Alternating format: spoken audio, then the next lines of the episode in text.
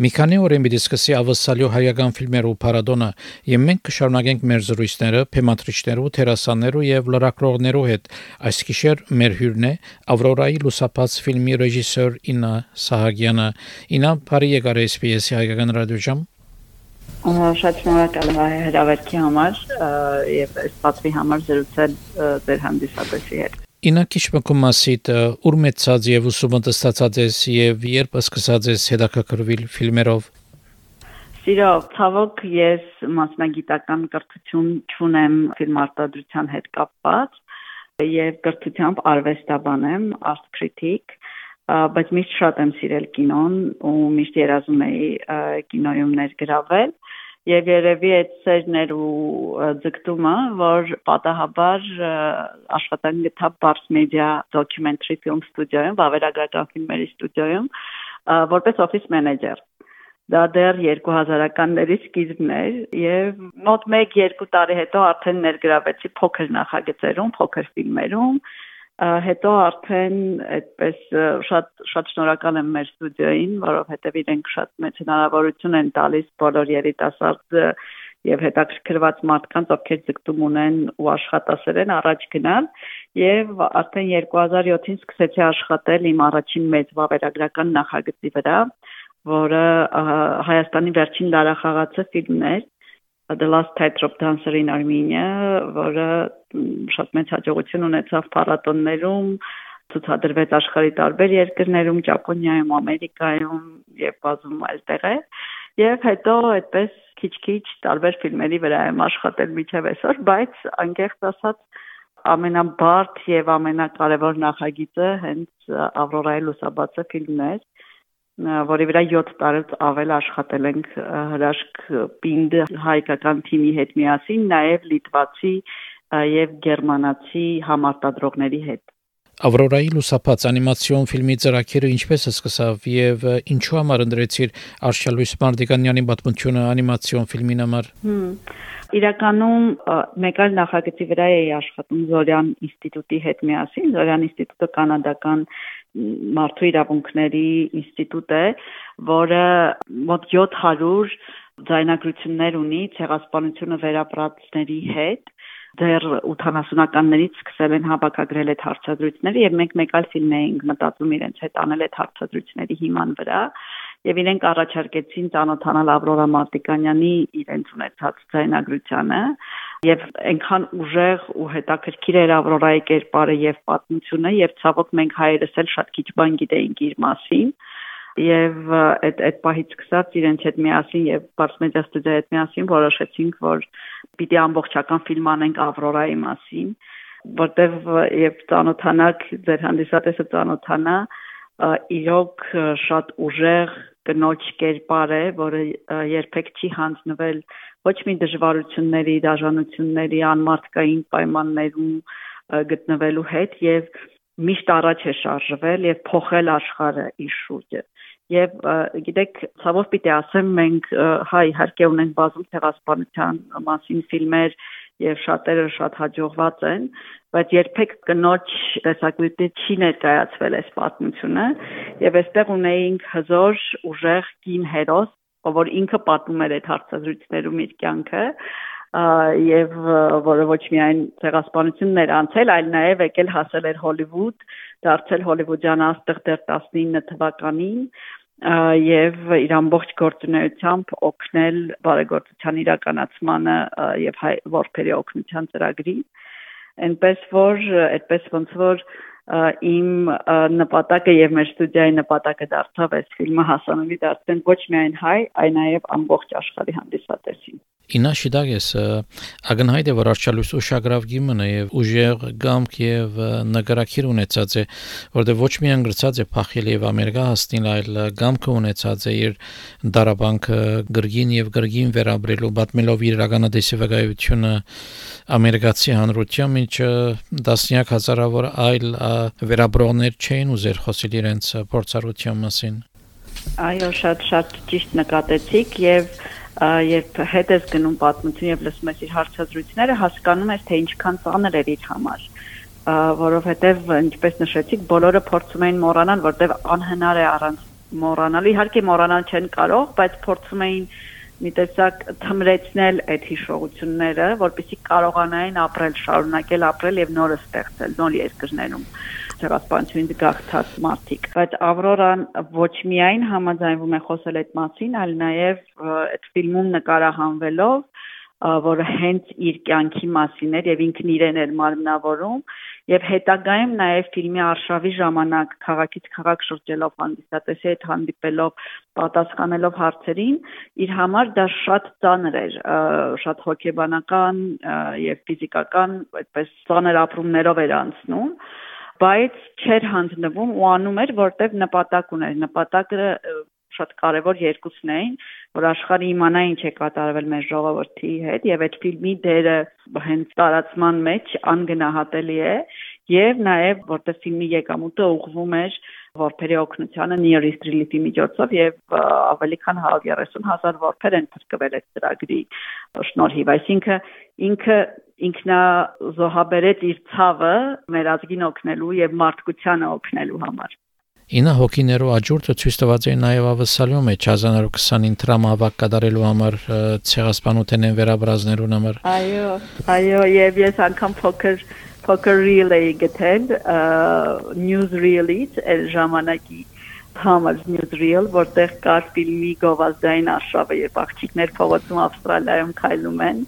եւ ֆիլմի այդ ֆլայերներ են բաժանում եւ խոսում են ֆիլմի մասին։ Ինքան հետաքրքիր է ռիսերչի ժամանակ այդ նյութը տեսնել։ Անիմացիոն ֆիլմ պատրաստելը որքան տարբեր է սովորական վավերագրական ֆիլմեր պատրաստել են։ Բոլորովին տարբեր է եւ իմ համար շատ դժվար է, քանի որ ինքս միջև այս միայն վավերագրական ֆիլմեր էի արել եւ անկեղծ ես չէի կարող մենակ ոչինչ անել, եթե չլիներ մեր պրոֆեսիոնալ թիմը, որտեղ իհարկե ֆիլմի ռեժիսորը ես եմ, բայց ֆիլմը դարձել է ֆիլմ հսկայական կոլեկտիվի աշխատանքի շնորհիվ եւ ես շատ բան սովորեցի, որտեղ ամեն ինչն էր տարբեր, սկսած սցենարի, մշակումից, որովհետև ֆիլմը մի փոքր պատմեն ֆիլմի մասին, որ ավելի པարզ լինի, ֆիլմը ինքը վավերագրական է, բայց նաև ունի անիմացիոն էլեմենտներ, այսինքն մոտ 60 րոպե պատմությունը պատմվում է անիմացիայի միջոցով եւ նաեւ օգտագործված է համր ֆիլմից Ավրորայի համր ֆիլմի հատվածները ցավոք հոգիների աճուրդը կամ հոշոտված Հայաստանը այդպես էր ֆիլմի անունը, երկու անուն ուներ, ցավոք կորսված է եւ միայն 18 րոպե նյութ կա պահպանված այդ ֆիլմից, այսինքն մենք օգտագործել ենք այդ նյութը, անիմացիայով պատմել ենք ամբողջ պատմությունը եւ Արշալույս Մարտիկանյանի հենց հարցազրույցներով ինքն է պատմում, այսինքն իր հարցազրույցներն են ներառված ֆիլմում եւ հենց ինքն է պատմում իր պատմությունը։ Այսինքն ֆիլմի հիմքը վավերագրական է հիմնված Արշալույսի հարցազրույցների վրա, բայց ամբողջ կառուցվածքը գեղարվեստական ֆիլմի նման պիտի լիներ, որտեղ անիմացիայի տեսարանների համար պետք էր գեղարվեստական ֆիլմի կոնցեպտով գրել ամեն ինչ հետո բնականաբար storyboard, որը որ վավերագրական ֆիլմերում չեն կանում հսկայական անիմացիոն թիմի հետ աշխատանք, որը որ իմ համար լրիվ նոր աշխարհ էր եւ անգամ գեղարվեստական ֆիլմի ամբողջական աշխատանքներ ստիպված իրականացրեցինք, քանի որ պարզվեց, որ 60 րոպե եւ ավել անիմացիան անել առանց հիմքի անիմատորների համար շատ դժվար է, չէին կարողանում դեմքը նույնը պահպանել, չէր ստացվում շարժումները վարժանել եւ ստիպված մենք բոլոր անիմացիոն տեսարանները դերասանների հետ նկարել ենք կանաչ ֆոնին հետո կտրել ենք մի քանի կադրեր ամեն տեսարանից տվել ենք անիմատորներին որպեսզի իրենք հուշումներ ունենային թե ինչպես են դեմքերը փոխվում, ինչպես են շարժումները իրականացվում, այսինքն մի հսկայական աշխատանք էր եւ դա էր նաեւ պատճառներից մեկը, որ մոտ 8 տարի ֆիլմի վրա աշխատել ենք թեև իհարկե ֆինանսական եւ այլ խնդիրներ էլ կային, որոնցից ամենացավալին իհարկե պատերազմն էր, որը տեղի ունեցավ, երբ մենք արդեն production շատ շատ այդպես ակտիվ շրջանում էինք եւ ստիպված էինք դադարացնել ամեն ինչ որովհետև մեր ստուդիայի գրեթե բոլոր անդամները գնացել էին առաջնագիծ կամ որպես զինվոր կամ որպես վավերագրողներ COVID-ն էր, այնպես որ ֆիլմը ցած շատ բարդ ու տարբեր էր իմ ունեցած մնացած բոլոր նախագծերի, բայց հուսով եմ, որ հաջողել ենք վերջում։ Ինչպես կրծար գտնել մասնակիցներ մանավանդ Հայաստանին դուրս, օդար մասնակիցներ Այստեղ պիտի մի փոքր խոսեմ, թե ինչպես է ֆիլմ արտադրությունը կազմակերպվում Եվրոպայում, քանի որ մենք ճունենք Եվրոպայում եւ առավելապես Հայաստանում մեծ հոլիվուդյան ստուդիաներ եւ իհարկե նմանատիպ նախագծով նաեւ չէին էլ հետաքրքրվի մեծ հոլիվուդյան ստուդիաները, այսինքն մենք ի սկզբանե գիտեինք, որ մենք art house լուրջ ֆիլմ ենք անում, ոչ բլոկբաստեր այդ տիպի ֆիլմերը ֆինանսավորվում են մի քանի երկրների համատեղ արտադրությամբ այսինքն մի քանի եվրոպական երկրներ միանում են մի կարևոր նախագծի շուրջ եւ թե ֆինանսավորում են բերում իրենց երկրներից եւ թե ստեղծագործական մասնակցություն այդ ֆիլմերին Այդպես արվում են գրեթե բոլոր նախագծերը Եվրոպայում եւ այս ֆիլմներ բացառություն չէր եւ զարգացման փուլում երբ ես դեռ աշխատում եի սցենարի վրա մենք միաժամանակ փորձում էինք գտնել համարտադրող ընկերություններ եւ երկրներ, որոնք կարող են թե ֆինանսապես, թե ստեղծագործական տեսակետից օգնել եւ քննարկում ենք շատ տարբեր երկրների հետ, բայց վերջում պայմանագրի կնքեցինք գերմանացիների եւ լիտվացիների հետ եւ այդպես էլ իրականացրինք արդեն թիմը կազմվեց հետագայում համատեղ աշխատանք պրոդյուսերների համատեղ աշխատանքի շնորհիվ ասենք օրինակ անիմացիայի մեծ մասը իրականացվել է Լիտվայում թեև art directing-ը, այսինքն գլխավոր ուղությունները, ոճը, ամեն ինչը ստուգելը հաստատելը դա Երևանում է իրականացվել on-off ստուդիայի կողմից Տիգրան Արաքելյան շատ տաղանդավոր երիտասարդ անիմատորի կողմից, որ մեր հիմքն էր ֆիլմի, հիմքերից մեկն էր եւ Տիգրանի հետ միասին եւ մեր լիտվացի պրոդյուսերների հետ միասին մենք մեր research արեցինք, մեզ ուղարկում էին նկարիչների եւ անիմատորների պորտֆոլիոներ, մենք ծանոթանում էինք ոճերին, տեստեր էինք տալիս, փորձում էինք հասկանալ ովքեր կարող են ներգրավել Եվ այդ երկար ընտրության արդյունքում կազմվեց թիմը լիտվացի նկարիչներից եւ անիմատորներից կազմված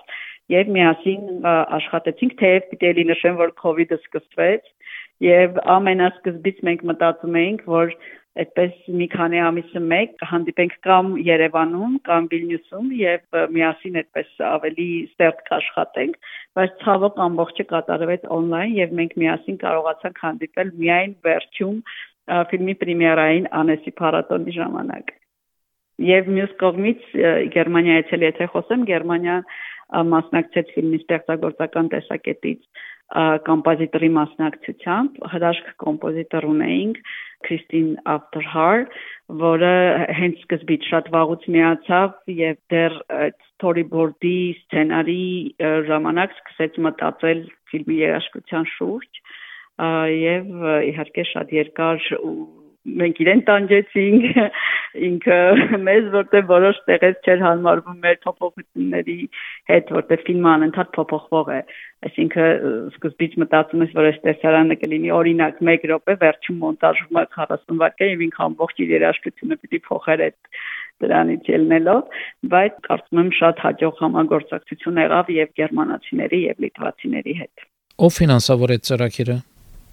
Դե ֆինանսավորումն էլ շատ բարդ մեխանիզմով, այս հետ որ ասում եմ 8 տարի, 8 տարվա սկզբի 4 տարի պլյուս տարիները նաև ֆինանսավորումն էին փորձում հասկանալ։ Ֆիլմի բյուջեն իհարկե համեմատած նմանատիպ այլ նախագծերի, որոնք Եվրոպայում կամ Ամերիկայում են արվում, շատ ավելի փոքր է, շատ-շատ ավելի փոքր է բայց բոլորը շատ նվիրված էին աշխատում ու հասկանում էին ֆիլմի կարևորությունը Այսպես է այդ այդ համատեղ արտադրության մեխանիզմում ինչպես puzzle-ն է հավաքում փոքր-փոքր կամ մեծ կտորներով տարբեր ֆինանսավորումներ պիտի բերես դնես, որ կարողանաս այդ մի ամբողջական պատկերը ստանաս դե բնականաբար համարտադրող երկրների կինոֆոնդերն էին մասնակցում, ինչպես նաև Հայաստանի կինոկենտրոնը, շատ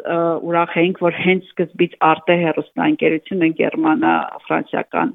աջակցեց ֆիլմին եւ այն այն իրենք ունենում են տարեկան մոտ 8-90 րոպեանոց ֆիլմեր ցուցադրում են եւ դա շատ այդպես հարգի եթերաժամ է եւ հենց այդ եթերաժամի համար իրենք ցանկացան ֆիլմը ներառել Եվրոմաժի աջակցությունն է շատ կարևոր, որը եվրոպական համատեղ արտադրության ամենամեծ ֆոնդն է եւ առաջին նախագիծն էր Հայաստանից, որ ստացավ այդ ֆոնդի աջակցությունը, որտեղ հիմնական համարտադրող երկիրը Հայաստանն էր եւ բնականաբար նաեւ pitching ֆորումների մրցանակներ ունեինք Զորյան ինստիտուտը մասնակցեց որոշակի ֆինանսավորմամբ այնպես որ այդպես փոքր-փոքր կտորներով այդ puzzle-ը կարողացանք կառուցել Ինը Ավրորայի լուսապացը հիմնված է արշալույսի գենսակրության թե անոր հարցազրույցներուն վրա նայեք եւ գիրքը եւ ֆիլմը հոգիների աճուրդը որոշակիորեն բնականաբար ունեին իրենց ժամանակի դրոշմը ինչպես գիտեք գիրքը գրվել էր Գեյցի կողմից եւ Ավրորան անգլերեն այդ ժամանակ չէր խոսում եւ թեև հիմնված է Ավրորայի պատմածի վրա, բայց նաեւ կան որոշակի ավելացումներ, փոփոխություններ, իսկ գեղարվեստական ֆիլմը ունի ել ավելի շատ այդպես editorial խմբագրված ամերիկյան հանդիսատեսին ավելի մատչելի ու հասանելի լինելու համար էլեմենտներ օրինակ ասենք ըստ ֆիլմի Ավրորան ուներ սիրած տղա որ գալիս փրկում էր անգլիացի ուսուցչուհի, ով օգնում էր իրեն ամբողջ ժամանակ, բայց երբ որ հարցազրույցներին է անդրադառնում, երբ որ Ավրորան հարցազրույցներում ինքն է պատմում իր պատմությունը, տեսնում ես, որ երբեք չի խոսում ոչ մի անգլիացի ուսուցչուհու մասին, երբեք չի հիշում, որ ինքը ունեցել է սիրահարված է եղել եւ այլն, բայց շատ եւ մի քանի հարցազրույցներ կային Զորյան ինստիտուտի հարցազրույցը եւ Armenian Film Foundation-ի կատարած երկու հարցազրույցները եւ բնականաբար նաեւ մամուլն եմ շատ խոր ուսումնասիրել հանդիպել եմ բոլոր այն մարդկանց հետ ովքեր աշխատել են Ավրորայի հետ այսինքն բոլոր այդ փաստերը դնելով իրար վրա ես փորձել եմ վերապատմել Ավրորայի պատմությունը այնպես ինչպես ինքն է պատմում բնականաբար պատմությունում իր պատմած պատմությունում կային բացեր, կային կտորներ, որ ինքը չէր պատմում, ասենք ինչպես օրինակ այստեղից այստեղ հասավ, կամ ինչպես փախավ այս մի տեղից, եւ այդտեղ էլ եւ ժամանակի եւ իրադարձությունների այդպես ուսումնասիրությունը, պատմական ուսումնասիրություն ենք կատարել եւ տեղեր էլ կան, որ իհարկե օգտվել ենք համաշխարհային պատմած կտորներից եւ գրքից։ Այսինքն բոլորը իրար հետ համեմատելով կառուցվել է մեր ֆիլմի պատմությունը, բայց ամենակարևորը իր հարցազրույցներն են, որոնք ուղեցույց են եղել ֆիլմի սցենարը ամփոփելու համար։ Ֆիլմը հայերեն է թե անգլերեն։ Ֆիլմում խոսվող լեզուն արևմտահայերենն է, որը ինձ համար շատ կարևոր էր, որտեղ Ավրորայի հարցազրույցներն արևմտահայերեն է եւ դա այն լեզուն էր, որը օգտագործվում, այսինքն որով խոսել են հերոսները ժամանակին։ Բնականաբար կա նաև հնչում է նաև անգլերենը, որտեղ ամերիկյան կտորներում եւ նույն Ավրորայի հարցազրույցներում ինքը հաճախ անցնում է անգլերենին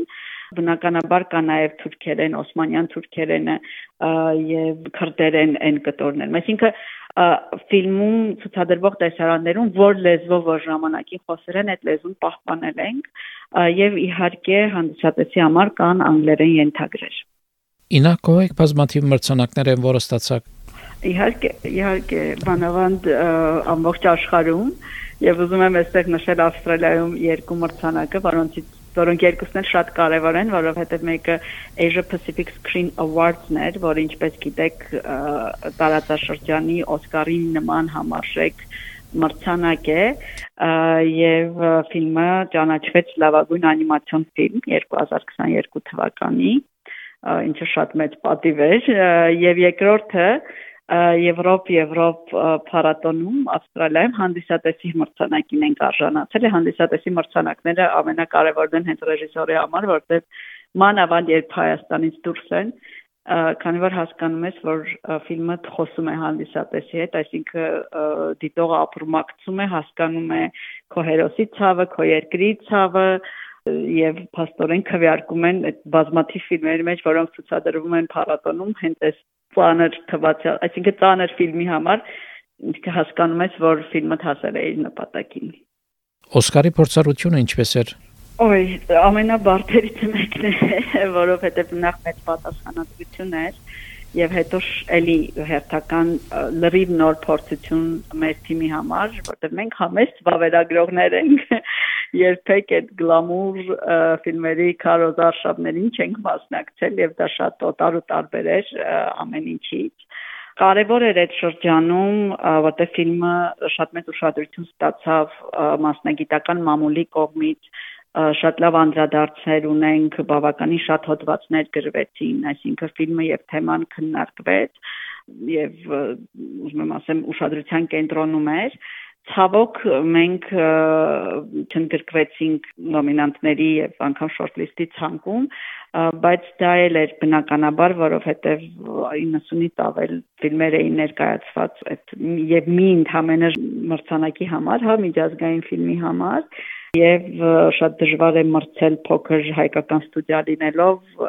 մեծ հոլիվուդյան ստուդիաների հետ, որոնք միլիոններ են ծախսում իրենց քարոզ արշավի համար որպեսի ֆիլմը նկատեն եւ քվեարկեն Օսկարի ակադեմիկները այդպես իհարկե տխուր էր որ չանցանք, բայց շատ կարևոր էր, որտեղ ֆիլմը ուշադրության կենտրոնում էր եւ հույս ունեմ, որ մի օր Հայաստանը կունենա այնպեսի նախագիծ, որը շորթլիստ կլինի։ Թեև այստեղ էլ եմ ասում ֆիլմի որակը կարևոր է, բայց նաև շատ կարևոր է թե ինչպես է դու կազմակերպում այդ քարոզ արշավը եւ ինչ գումարներ են ծախսվում եւ ինչ կապեր կան իրականում Օսկարի համար։ Մի քանի օր է Մելբուրնի մեջ բացումը պիտի կդարվի ավսալյո ֆիլմերով փառատոնին, որևէ խոսք ունենք ավսալը հայ հանդիսադեսին։ Իհարկե կխնդրեմ որ գնան նայեն տարածեն ֆիլմի մասին ինֆորմացիան իրենց սոցիալական կայքերով կիսվեն եւ խնդրեն նաեւ տանեն ոչ հայ հանդիսատեսին, որովհետեւ գիտեք մենք մեր ցավը գիտենք, բայց շատ կարեւոր է որ օտարներն էլ հասկանան մեր ցավը եւ բնականաբար շատ ցավալի է, բայց աշխարհի կարգը չի փոխվել եւ այսօր էլ Հայաստանը եւ Արցախը նոր ցեղասպանության շեմին են կանգնած, ինչ արդեն իրականացվում է եւ ցույց տալով մեր պատմությունը մենք կարող ենք նաև խոսել այսօրվա մասին եւ փորձել ինչ որ բան փոխել այսօրվա իրավիճակում այսինքն ես մեծ հույս ունեմ որ ֆիլմը դիտելուց հետո հանդիսատեսը դասեր կքաղի անցյալից, որպեսզի այսօր նույն սխալները չիրականացվեն։ Ինա շատ շնորհակալություն արձազրույցին եւ հետաքրքրական տեղեկություններուն համար անհամբեր կսպասենք ֆիլմերու փառատոնին եւ Ավրորայի լուսապացը ֆիլմին։ Շատ շնորհակալ եմ Վայ ջան եւ նաեւ չգիտեմ եթե ձեր լսում են նաեւ Ամերիկայում կամ միգուցե ձեր հանդիսատեսները, ձեր ունկնդիրները կարողանան փոխանցել։ Մենք հիմա նաեւ ամբողջ Ամերիկայում կինոթատրոնային արշավում ենք, այսինքն տարբեր քաղաքներում ֆիլմը ցուցադրվում է եւ շատ կարեւոր է որ մարդիկ նաեւ այստեղ կան կինոթատրոնային եւ բոլոր ընդհանրապես ֆիլմի շուրջ կապված ցանկացած տեղեկատվություն կարող են մեր կայքում գտնել aurora.sunrise.com կխնդրեմ որ նայեն ավելի շատ պատմության մասին լսեն եւ իհարկե տարածեն շնորհակալություն մեկ անգամ եւս